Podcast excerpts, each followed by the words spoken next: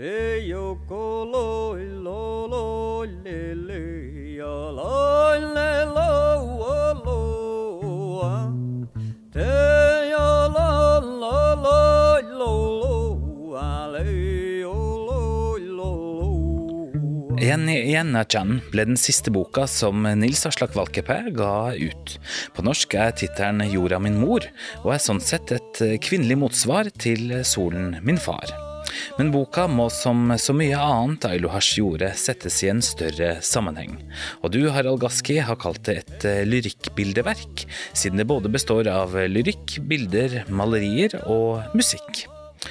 Harald, hvordan fikk du vite om prosjektet? Ja, prosjektet visste jeg jo om, for det la, fortalte han jo allerede når uh, Bjeiv kom ut, at, eh, at eh, far trenger en mor ved sin side. Så, så han, han starta jo mer eller mindre umiddelbart med det prosjektet, og det tok jo også noen år. Og, og, dessuten så var han utsatt for den trafikkulykken også før den boka kom ut. Så han var veldig glad for så vidt å ha det prosjektet når han da våkna til liv igjen og, og overlevde og kom tilbake i arbeid. Så, så han sa flere ganger at at det er det prosjektet som har holdt han i live, også for han måtte få det ferdig. Og det var jo typisk. Han, altså, han var jo egentlig allerede mentalt i gang med det nye prosjektet mens uh, Bjeiv var i trykkeprosessen. Så, så ringer Nils Aslak da og, og, sier at du må komme. Og jeg tenkte ja, hva som har skjedd? Nei, det er ingenting som har skjedd, men du, men du må komme. Så, så, jeg for, og kom jo dit på ettermiddagen, og han hadde ordna til skikkelig god mat. Og så han var en god kokk, selv om han sjøl spiste lite, men han var veldig flink å lage mat. Så, så han sier at nå, nå, setter du deg ned og spiser først. jeg var jo veldig spent på hva det slags overraskelse han har der. Og jeg spiste godt, så kommer han med manuskriptet. Og så sier han nå setter du deg ned og, og leser det her, og sier ingenting før du er ferdig, kom, kommet igjennom hele manus. Og det gjorde jeg jo, lydig som jeg var, så, og leste og, og, og storkoste meg med, med, det manuset. For det var så Det var veld, veldig tydelig at det var gjennomarbeid, og, og at det var ikke første utkast, men at det var egentlig det ferdige manuset fra hans side. Altså jeg ble jo egentlig gladere og gladere til sinns eh, jo mer jeg leste. Så når jeg var ferdig med det, så, så sier jeg bare til han Ailo don le. Altså Ailo, du er tilbake. Og, og var egentlig litt sånn bevega også da, fordi at, for det, for, det, var et så godt manus. altså Det var veldig forskjellig fra Bjeiv Gjertsen, som han jo også kan forvente, fordi det er jo det er far og mor. Men, men, han hadde jo ikke prøvd å legge an noe kvinnelig perspektiv på det. Så det er ikke, det, sånn sett er det ikke det kvinnelige tilsvaret til, til Bjeivi Ertjatan, men da dreier det seg om mora, og, og altså moder jord. Så det var det som var temaet. Hva syns du var styrkene ved, ved, teksten, da? Ja, det var jo, det var jo nettopp det der med at, eh, at han eh, på en måte søkte tilbake til, til de verdiene som, eh, som, han allerede i B.I.V. Gjertsen hadde antyda, sånn, sånn, altså det som gjør en same til same. Altså, det er verdensanskuelsen, for å si det litt sånn høytidelig. Og, og, og der igjen igjen etter manuskriptet så, så, blir det enda mer enda klarere det her med, med altså forbindelsen hele, hele, den kosmiske greia, altså hvordan stjernebildene reflekteres i folks forestillinger, og, og, og, og det at eh, det her, den eh, forbindelsen mellom jorda og sola er så åpenbar. Men, men, også det at han da igjen reiser ut til andre urfolk i verden. Og, og er gjest, men altså men i motsetning til f.eks. vestlig reiselitteratur, hvor du da har en, en, helt som reiser ut og treffer andre og forteller hva han eller hun har opplevd sammen med dem, og, og liksom hvor de også da prøver på en måte, sånn som eh, TV også har hatt de her programmene med hvor du reiser ut til innfødte stammer og skal leve, leve det, det der primitive liv. Så det, det, på en måte Ideen er jo, er jo er jo fin, og, og, og, du kan føle sympati for, for den tenkninga, men, men, samtidig så har du likevel det der med at det er det, det vestlige mennesket som, som er, på, er, turist og, og, skal lære, men skal lære å formidle på en sympatisk måte. Men så, så Nils Aslak klarte føler jeg, i det manuset. Å, være en, en gjest som, som, tenker likedan, som forstår de andre, som altså glir helt naturlig inn i det. Så selv om altså når han er i, hos eh, regnskogsindianerne, eller regn, de, de urfolket som bor i regnskogen, eh, så så er jo hans assosiasjon til at det er så varmt og, og fuktig, at han er i en badstue. Så, altså, så, så, du, får samtidig hans, hans, egen assosiasjon til det, men, men, samtidig det han da kommuniserer og snakker med de andre om, er veldig mye på, på deres premisser. Sånn at, så, så det var en sånn eh, affinitet, som det heter på fint, eh, eh, til, til, til de andre. At han, han er en gjest som, som virkelig forstår dem, og, og, og, sånn sett kan leve med dem. Så, så, så, så, i det hele store og hele så ble det på en måte det her med at han i, i det interne blikket så har han eh, den samiske forståelsen til grunn. Og det er den han har med seg når han reiser ut i verden til andre urfolk. Og så, og, og, så det blir som igjen, som vi også har vært inne på, litt inne på det med Johan Turi, hvordan Johan Turi sin bok både var historie, antropologi og filosofi. Og Nils Aslak blir jo litt av det samme der med at han, han, han er en, en, veldig flink antropolog, som, som, altså er på besøk hos de andre og glir så naturlig inn at de, de faktisk ikke merker det at de har et tilleggsfamiliemedlem en gang der. Så det var i alle fall den følelsen boka ga, så, eller manuskriptet ga. Altså, Reiste han rundt for å researche boka, eller, eller, var det mer sånn naturlig som en del av hans reise rundt om i verden? Ja, Nei, det var nok mer som del av hans naturlige væremåte. Så han eh, ja, han, han, han, gjorde jo veldig mye research, men, eh, men, det gjorde han jo på forhånd, og egentlig uten å reise til de områdene på den måten, for han leste seg jo opp.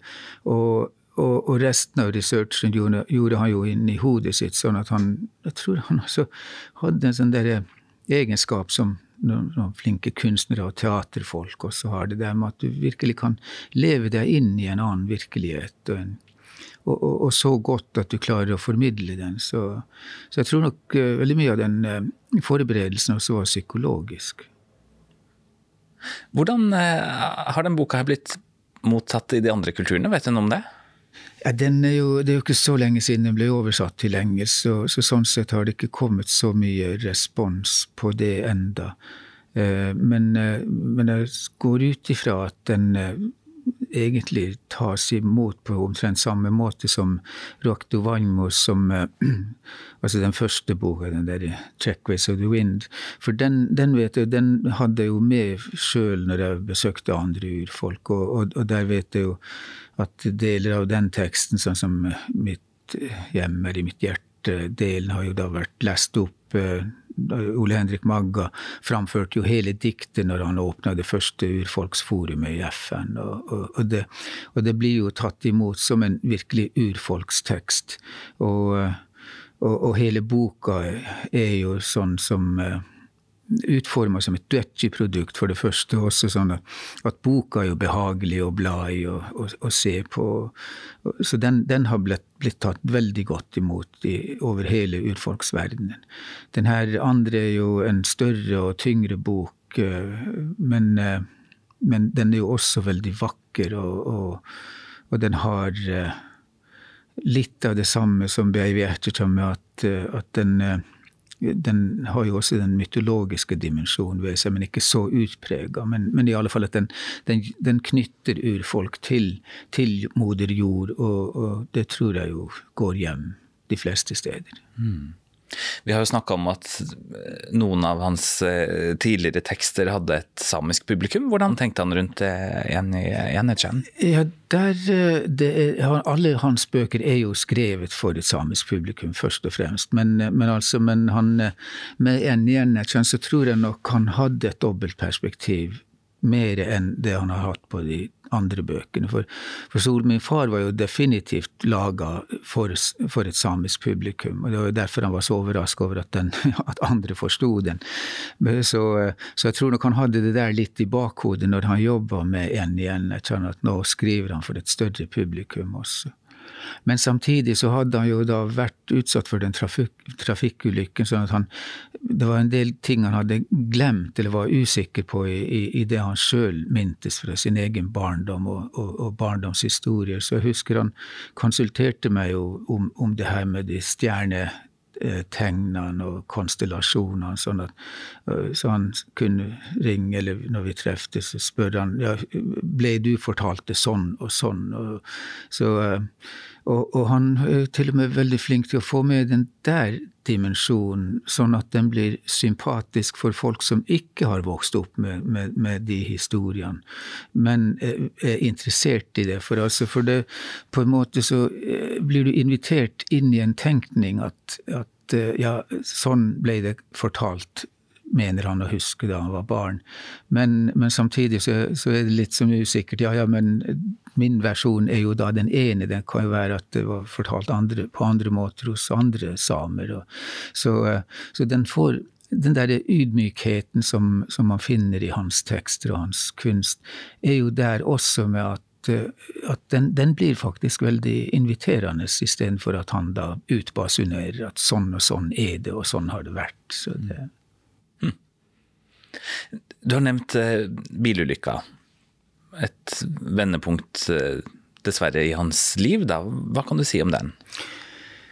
Ja, selve ulykka er jo ikke så mye å si om at, annet enn at den var jo veldig dramatisk. Så, så det, for han havna altså bak en, en brøytebil, og i det, i det kove, snøkovet så, så, kom han over på venstre, eller altså på gal side av, av veien og, og, kolliderte med en trailer, tror jeg. Det var i alle fall en stor lastebil, men jeg lurer på om ikke det var en trailer. Altså. Så, så, han måtte jo skjæres ut av sitt eget bilvrak. og og, var, jo, var, jo, i koma veldig lenge, så han ble jo sendt til uh, Rovaniemi sykehus. Og, og, og, og, han forteller jo sjøl, og han skriver jo også om det i Girten Seivoran-boka, som fremdeles ikke er oversatt, men altså hele boka er ikke oversatt, men, men, en del av de tekstene finnes på Lessegamme sine hjemmesider. Og, og, der forteller han jo blant annet om eh, da når han våkna opp av eh, den lange søvnen, at han eh, hadde drømt at han hadde vært og banka på, på døra. Så, så når han da våkna opp og, og, kjenner den her lukta av blomster og, og, og, ser rundt seg og masse roser i hele rommet, så, så han var jo sikker på å han våkna til sin egen begravelse. det, og det var jo for så vidt også veldig typisk Nils Aslak. da, at Han, eh, han laga jo en historie, en fortelling ut av det. Så, så igjen en parallell til Johan Turi. At uansett hvor dramatisk historien var, så, så, kunne du lage en historie av det. Og i Ailo sin versjon så ble det jo egentlig også en, en morsom historie med det at, at han våkna jo til livet. Og, og, han, og han kom seg jo egentlig ganske raskt også. Det tok jo sin tid likevel, men, altså, men sånn at hodet begynte å fungere. Han, for han sier jo selv at han, eller sa jo sjøl at han måtte jo lære seg alt på nytt. Og hvordan han slår på TV-en og, og, og kaffemaskiner og det sånn Eller ja. Så, så, så praktiske ting. Så, så, de andre bøkene som kom etter trafikkulykken, er jo da den, den, var jo på en måte ferdig før, men, men, men at han jobba med en Jennettjønn-teksten, det, det, gjorde han etter. Den gjorde han ferdig når han da var tilbake for fullt. Ja, ikke for fullt, men i alle fall så godt at det ble en veldig god bok av det òg. Mm. Merka du forskjellen på den, eller? Ja, det gjør du jo for så vidt. Altså, for den eh, Altså det, den, det, er jo en vel, fremdeles en god tekst litterært sett, også litteraturvitenskapelig sett. Men, eh, men, altså, men, eh, men, det er helt klart at hans sterkeste verk er 'Baby Ertjøtjan. For den er også litterært, men, altså, men, men Ennetjan har så mange andre dimensjoner ved seg. Og, og, det at det er jo ikke bare litteratur igjen, det er jo, det er jo et kunstverk. Så, så, så kunsten som er med der, er jo egentlig kanskje enda mer imponerende enn en, en dikta, fordi at eh, han var jo redusert eh, motorisk også etter den ulykken, så, men han fikk jo til å, å, å male. Og, og, altså, det ble på en måte andre typer malerier der enn det som du eh, finner i den perioden da fra rundt 1990, når han malte veldig mange av de her mytologiske figurene. Så, så, så, så, det var hele tiden en bevegelse og en utvikling eh, i, i hans kunst. Og, og, og, det der eh, er jo egentlig veldig interessant å registrere, og, og det har jo vært forska altfor lite på så langt. Det, altså, både eh, samhandlinga mellom dikt og, bilder i den ene boka, men, men også bare det å, å, forske på selve de bildene som man har malt mm. til den boka. Altså Da mener jeg de, hans egne malerier, for, for, ellers er det jo veldig masse andre fotografier i boka, men det er jo stort sett lånte bilder. Ja. Og de, de, maleriene var mer konkrete, hvor han tok for seg enkeltdyr, blant annet? Ja, nettopp det. For, for, han gikk på en måte fra det kollektive til det in, in, individbaserte igjen der. Sånn at, så det er litt sånn morsomt med sånn som joiken fungerer, at når du da får din egen joik, så, så blir du del av fellesskapet. Og, men, men, han på en måte tegna seg, eller malte seg tilbake til den, den, den reverserte versjonen også, at fra, fra det kollektive så, så går, kan du også være et individ. Og, og, og det er altså kan være en, en gjenspeiling av det han sjøl også gjorde. For, eh, for han uh, trakk seg jo tilbake. Han, uh, han, var jo veldig aktiv. Han var jo politiker, han var jo organisasjonsmenneske. Han etter, fikk etablert Samisk Forfatterforening, Samisk Kunstforening og det hele. Men, men han da hadde gjort alt det der, så, så bestemte han seg for at ja, men nå skal han være kunstner på heltid.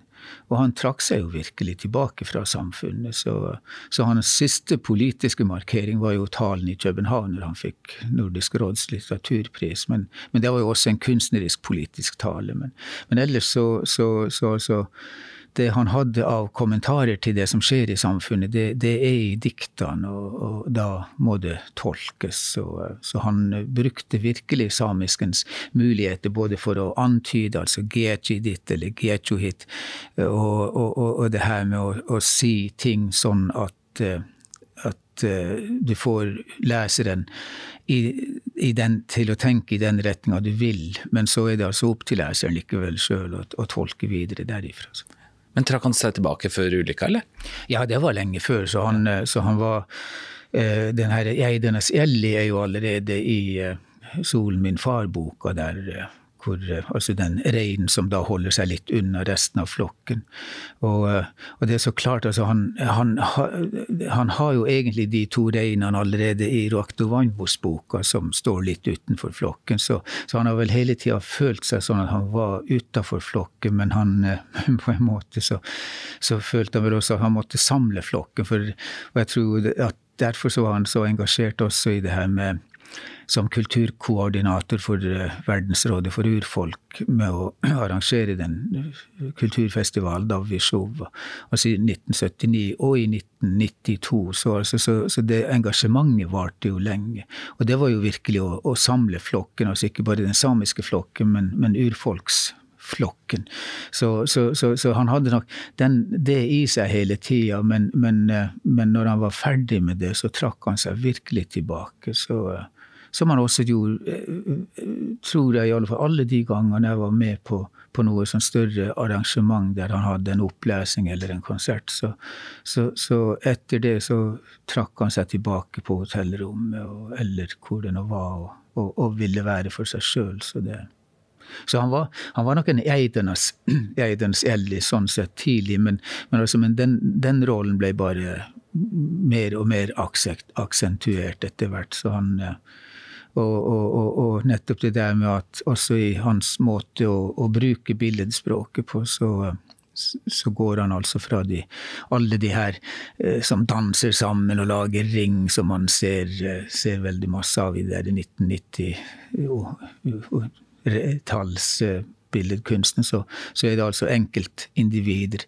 Og det, og det morsomme er jo der at der er jo både en fisk og, og, og, dyr individer, så det er liksom ikke det at det er bare mennesker som kan være et individ.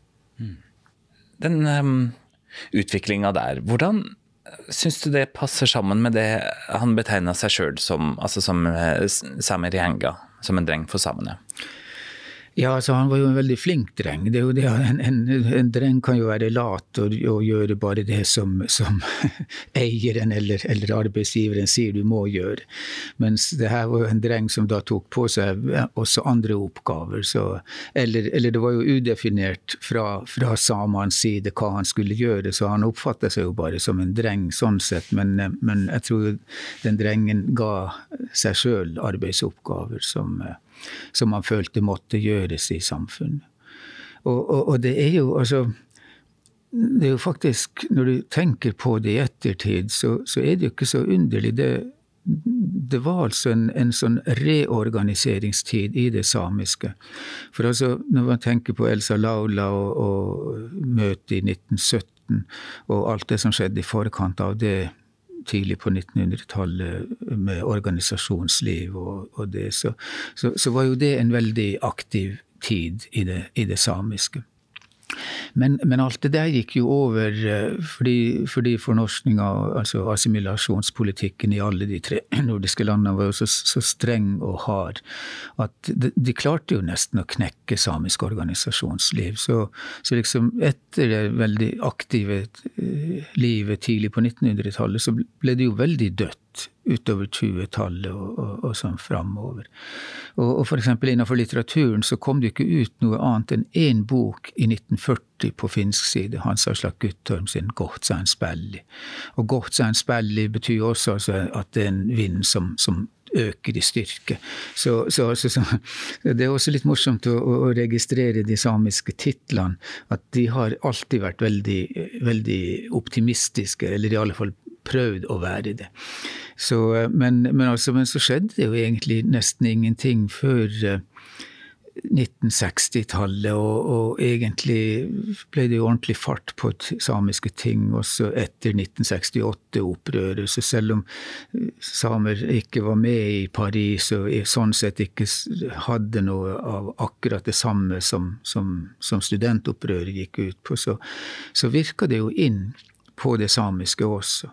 Og selvsagt det at, at eh, i USA spesielt med, så, så, kom jo det her til og med med Red Power som, et, eh, som, et, eh, som en urfolksvariant av Black Power.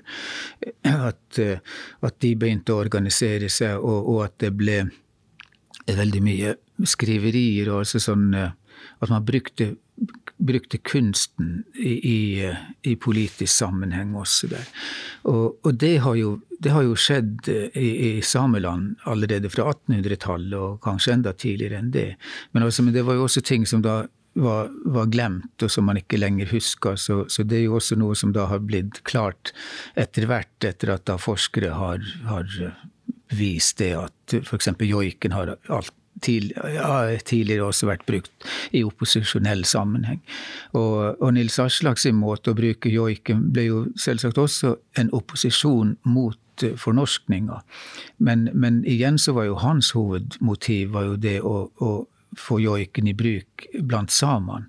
Så, så, så, så, den, den der dobbeltheten var, var der hele tida, med at han, han, han var altså en, en, lærer for sitt folk eh, mens han var en dreng. Så han, han så hva som må gjøres, og han, og gjorde da de oppgavene. Så det, og, og, og, altså, og at det der da skjedde sånn i en tid hvor hvor eh, det samiske lå veldig brakk, men at eh, det trengtes noen kraftige stemmer og personer som trakk det hele i gang igjen. Og da, da så vel Nils Aslak behovet for det at, at man fikk sterke organisasjoner, og, og, også for kunstens del.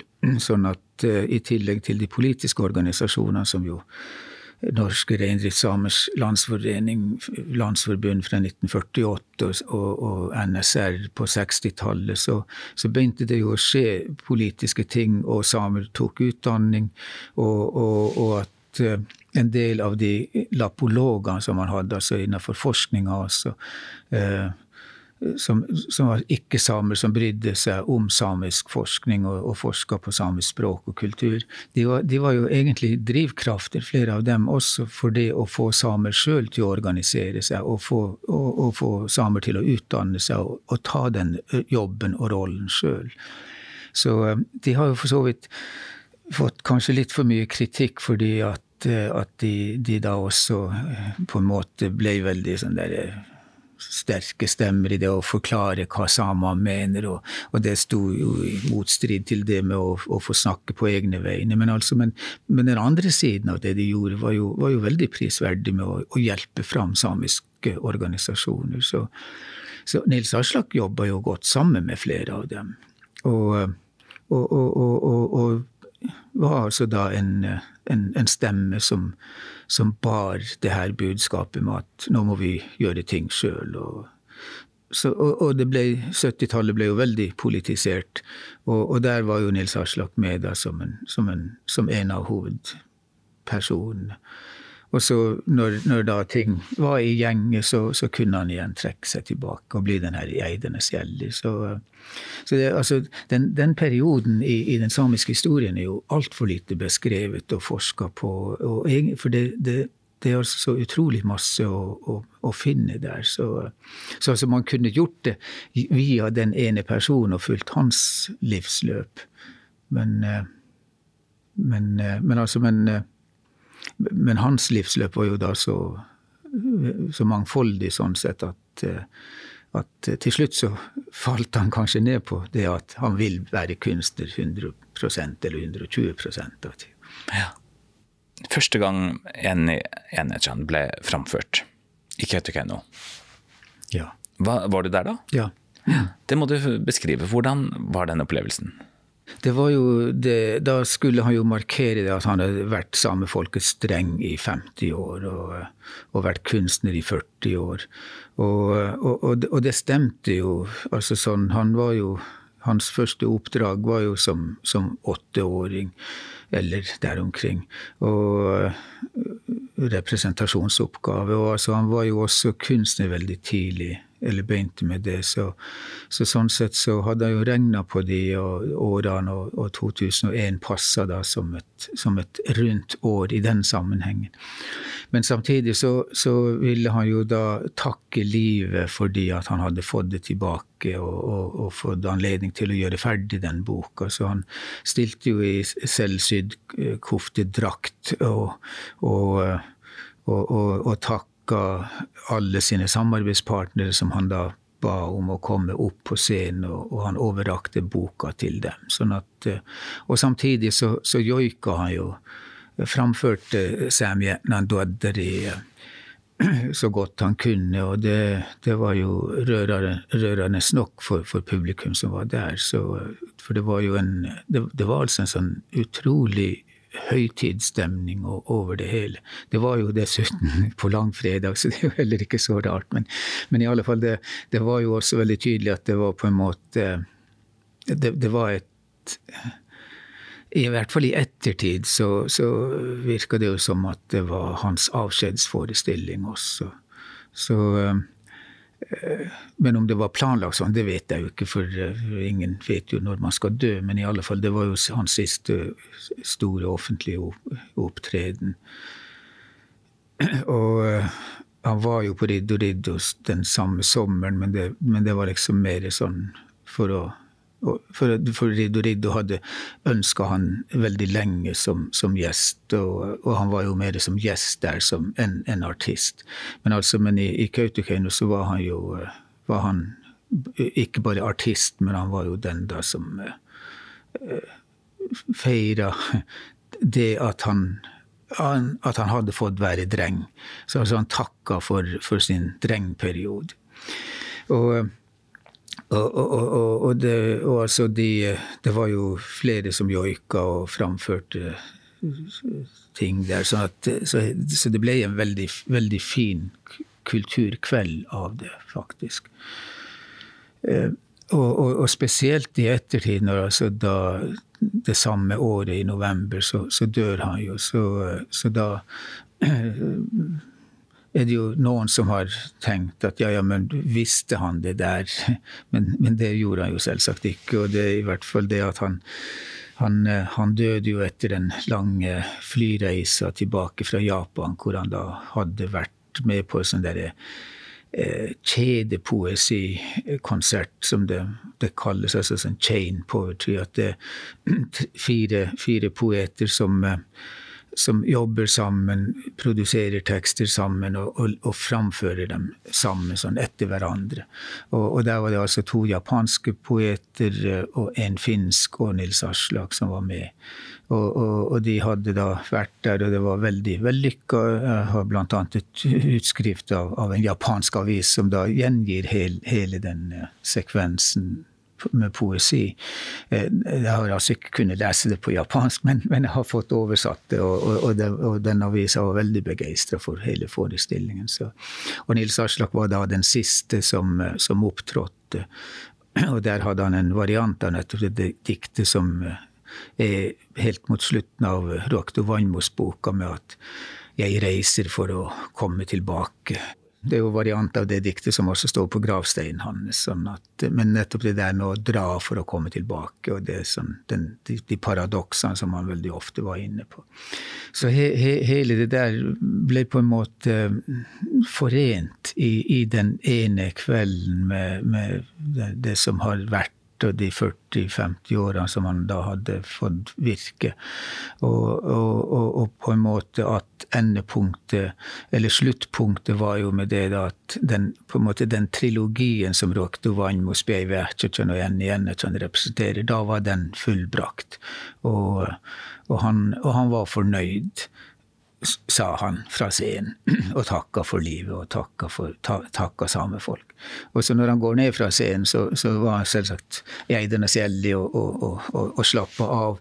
Men altså, uka etterpå så var han i full gang med, med, med det som da hadde en annen arbeidstittel, men som altså da nå i ettertid kommer til å være essayboka 'Eidernes gjeldig'. Så, altså, så, så det, han var definitivt ikke ferdig med livet, men, men, altså, men i alle fall i det alvoret som fulgte han etter den trafikkulykken og det at han våkna til liv igjen. Så, så, den perioden var han ferdig med da. Men han hadde jo allerede nytt prosjekt som også utkrystalliserte seg til det som ville bli to nye prosjekt. Så, så han var full av i, i arbeidsvigør igjen et, etter det. Mm. Hvordan ble han eh, mottatt i Kautokeino den langfredagen? da? Ja, det var jo det, ja, det er virkelig um, som en monark. altså, det, er sånn, det, er jo helt utrolig med den her eh, altså, den ydmyke holdninga som han sjøl hadde til liv og til den rollen han spilte. Så, så, altså, så uh, Sam, jeg tror altså, Det var noe med, med stemninga der. For samer, når, når, man går til noe konsert og festival eller et eller annet sånt, så, så, ler jo alle og har det hyggelig, og man prates, og det er mye støy og ståk. Sånn. Men, men, altså, men, der var det en sånn ærverdighet over hele det, så, så folk kom veldig eh, sånn sakte. Man nærmest skred inn i lokalet og snakka lavt sammen. og sånn. Så, så det var en sånn forventning også i, i hele lokalet som, eh, som var helt annerledes enn en, en det det vanligvis er med, i den typen sammenhenger. Mm. Det er jo et uttrykk Man blir ikke profet i eget land, men det passer jo ikke helt for han? Ja, han fikk virkelig en, eh, en posisjon som, eh, som er en sametingspresident verdig, og kanskje enda mer enn det. Så, det, så ja, han ble jeg vet ikke akkurat, Han ble nok aldri en profet, for han var jo ingen sånn sannsiger framover. Men han var jo egentlig mer en filosof og tenker som, eh, som altså tok opp ting i, i, i sine kunstverk som, eh, som, burde diskuteres mer i det samiske. Så i det samiske samfunnet. Men jeg tror også at han var litt sånn, han var nok neppe skuffa, men han, han undra seg vel over det at tekstene hans ikke ble tolka mer i den retning også. Akkurat. ja. Jeg tenker på det uttrykket ikke som en, en ikke som en sansige, men, men, det å bli anerkjent ja, jo, jo, fra, fra, sitt hjemfolk, holdt jeg på å si. da. Jo, og det ble han jo. Han fikk jo virkelig den anerkjennelsen. At, uh, men uh, men han sleit seg jo til den. altså Det som han sjøl var veldig mye inne på. Altså den, den, den, første mottagelsen var jo slett ikke anerkjennende. Det var jo helt det motsatte. For, og, og, det må man jo se på bakgrunn av den lange fornorskningstida som, som folk hadde vært igjen. Altså liksom, så jeg tror egentlig det samiske sentimentet, eller altså mentaliteten, da på 60-tallet holdt på å, å, å, å, gå Altså være litt sånn oppgitt, defetistisk. At, at uh, da hadde assimilasjonspolitikken virka så lenge og, og, hatt så sterk påvirkning at at folk, veldig mange slutta å snakke samisk innenfor familien. og begynte å, Selv om altså begge foreldrene var samisktalende, så valgte man da norsk, som man var blitt anbefalt å gjøre. Og, og, og liksom at det samiske Flere og flere av kulturuttrykkene ble borte. Joiken var på tur å dø ut. Så, så, så, så det trengtes en, en, utrolig sterk motkraft for å, for å, stoppe det der.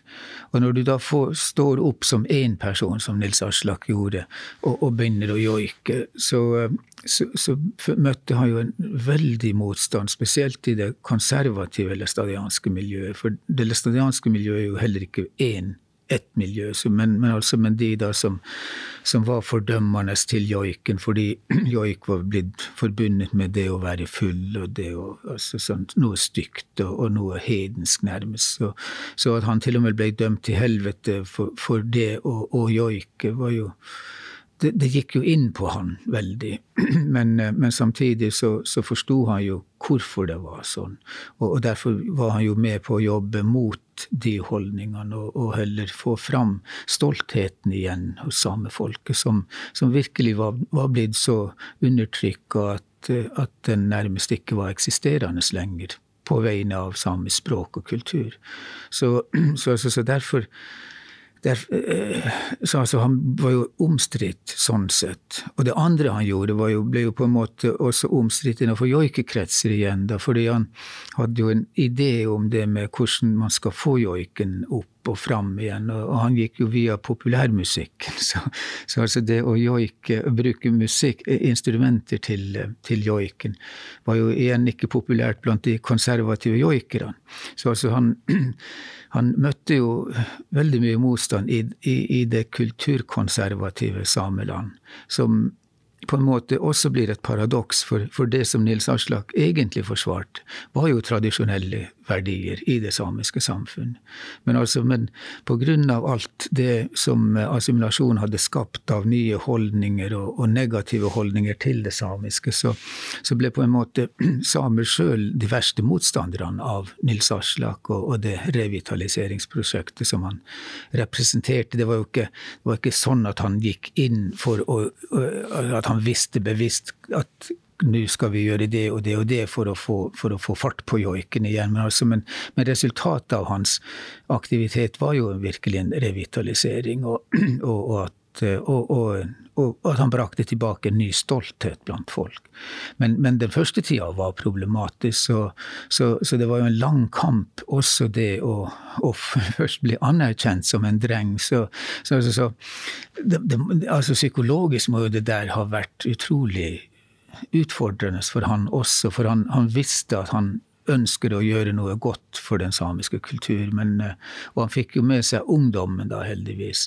Men, men, altså, men det han møtte av de som han, der han vel hadde forventa støtte, var jo motstand og, og, egentlig fordømmelse. Hvor viktig har han vært for at det samiske folk og eh, samer som enkeltindivider da, eh, har fått en økt selvrespekt for å nettopp være det man er, da? Ja, jo, den posisjonen tror jeg jo er, har vært veldig viktig. At han, han var egentlig den, den, første sånn sett, eh, etter at eh, media også altså Du begynte å opptre i media og få den oppmerksomheten. Så, så eh, For det var jo igjen en ny rolle for han. For det første, det å, å i det hele tatt å joike fra en scene var jo også nytt i samisk sammenheng. Ja, der må, det her programmet er jo så seriøst, men, altså, men der må jeg i alle fall fortelle en anekdote. fra, fra da for han, var, han, og Paulus Utsi, den samiske, kjente samiske poeten, var jo virkelig drivkraft bak eh, Kautokeino-festivalen, eller påskefestivalen i Kautokeino. Og, og, det var jo en av de tingene forresten som også ble feira i 2001. At det var 1971 var første gang eh, den festivalen ble organisert. Eh, og, da, og, da, var altså de to sentrale der. Og, da, og det var jo også ble, var det jo organisert en scene, eller det var jo, det, det var jo en det var jo en scene i det lokale der de var, så, så når Nils Aslak går opp der og joiker, og, og så, så, blir jo folk med på joiken. For det var jo, det, det var jo sånn folk Det var jo sånn joiken ble praktisert. altså at du, Det var gjerne en som starta, og, og, så kan du jo følge, bli med på den joiken. Så, så Nils Aslak måtte igjen som skolelærer da stoppe og så forklare folk at ja, men det her er annerledes. Nå, nå er det altså en artist som joiker fra scenen, og så skal publikum sitte og lytte. Så det, og, og det der det, Altså, det er jo det der skulle jo vært laga film om. For det, det, er jo helt utrolig at det, det der er jo så nytt, men, men, samtidig så forteller det også noe om, om altså det, den store endringa, det store steget fra det å, å, å være noe, noe sånn som, sånn som altså slett ikke var kunstart, joik, men som, altså, som da ble det. og, og, og på en måte så fjerna det jo joiken litt fra, fra hverdagsperspektivet og hverdagspraksisen, og at det, ble en, at det ble en kunstart som da også Nå til dags er det jo sånn at vi har jo mer eller mindre profesjonelle joikere som, som synes og høres, og, og joiken er blitt mer eller mindre borte som, en sånn der, som man gjør innenfor familien. Selv om altså noen familier praktiserer det jo enda. Men, men i alle fall, altså denne, hele det der konseptet å gjøre kunst eh, skape kunst ut av det, og samtidig få den der distansen som, som, er mellom kunsten og den som da ser eller betrakter eller nyter kunsten. At, at det også var et sånt pedagogisk prosjekt samtidig å, forklare det til samefolk. Og etter Nils Aslak så kom jo f.eks. sånne som Mari Boine, som, som fikk en kanskje enda høyere status i, i det nye mediesamfunnet. Og, og, og nettopp det er jo Eh, sånn altså, så på en måte det der eh, å, å, å, gå fra en person som er samlende og viktig som en, eh, som en, som en som forener folket, til det å egentlig bli en kjendis i, i samfunnet. Det skjedde jo også på den der tida, og jeg syns jo både Nils Aslak og Mari har vært veldig flinke til å ja, Nils Aslak er jo ikke med, da, men Mari er jo fremdeles Eh, eksisterer fremdeles og er fremdeles flink til å bruke den, den posisjonen til, til å, å, ikke la media definere hva din kjendisstatus skal bety, men altså med at du bruker den til, til å fremme de sakene du sjøl ønsker. Og så er det jo noen medier som da ikke skriver om det når, når de ikke får dominert Mari sånn som de vil, men altså, men altså hun, hun, er den sterke stemmen som, som nå virkelig kan si at ja, men det jeg vil med min medieopptreden er å, å, gjøre det og det, og hvis det, det ikke er ok, så, så, blir det ikke noe av det. Og, og, det var jo egentlig noe av det samme Nils Aslak gjorde på sin tid. At uh, han brukte posisjonen til å fremme samenes sak.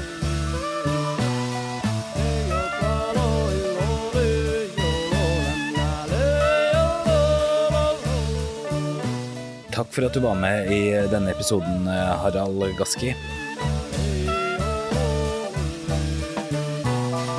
Musikkutdragene i serien er gjengitt med tillatelse av forlaget DAT. Serien er laget for stiftelsen Lasagami, som skal ta hånd om og fremme den kulturelle og åndelige arven etter Nils Aslak Valkeapää Ailuasj. Produksjonen er støttet av Norsk kulturråd. Jeg heter Svein Lian. Programmet er produsert av 1 til 1 Media.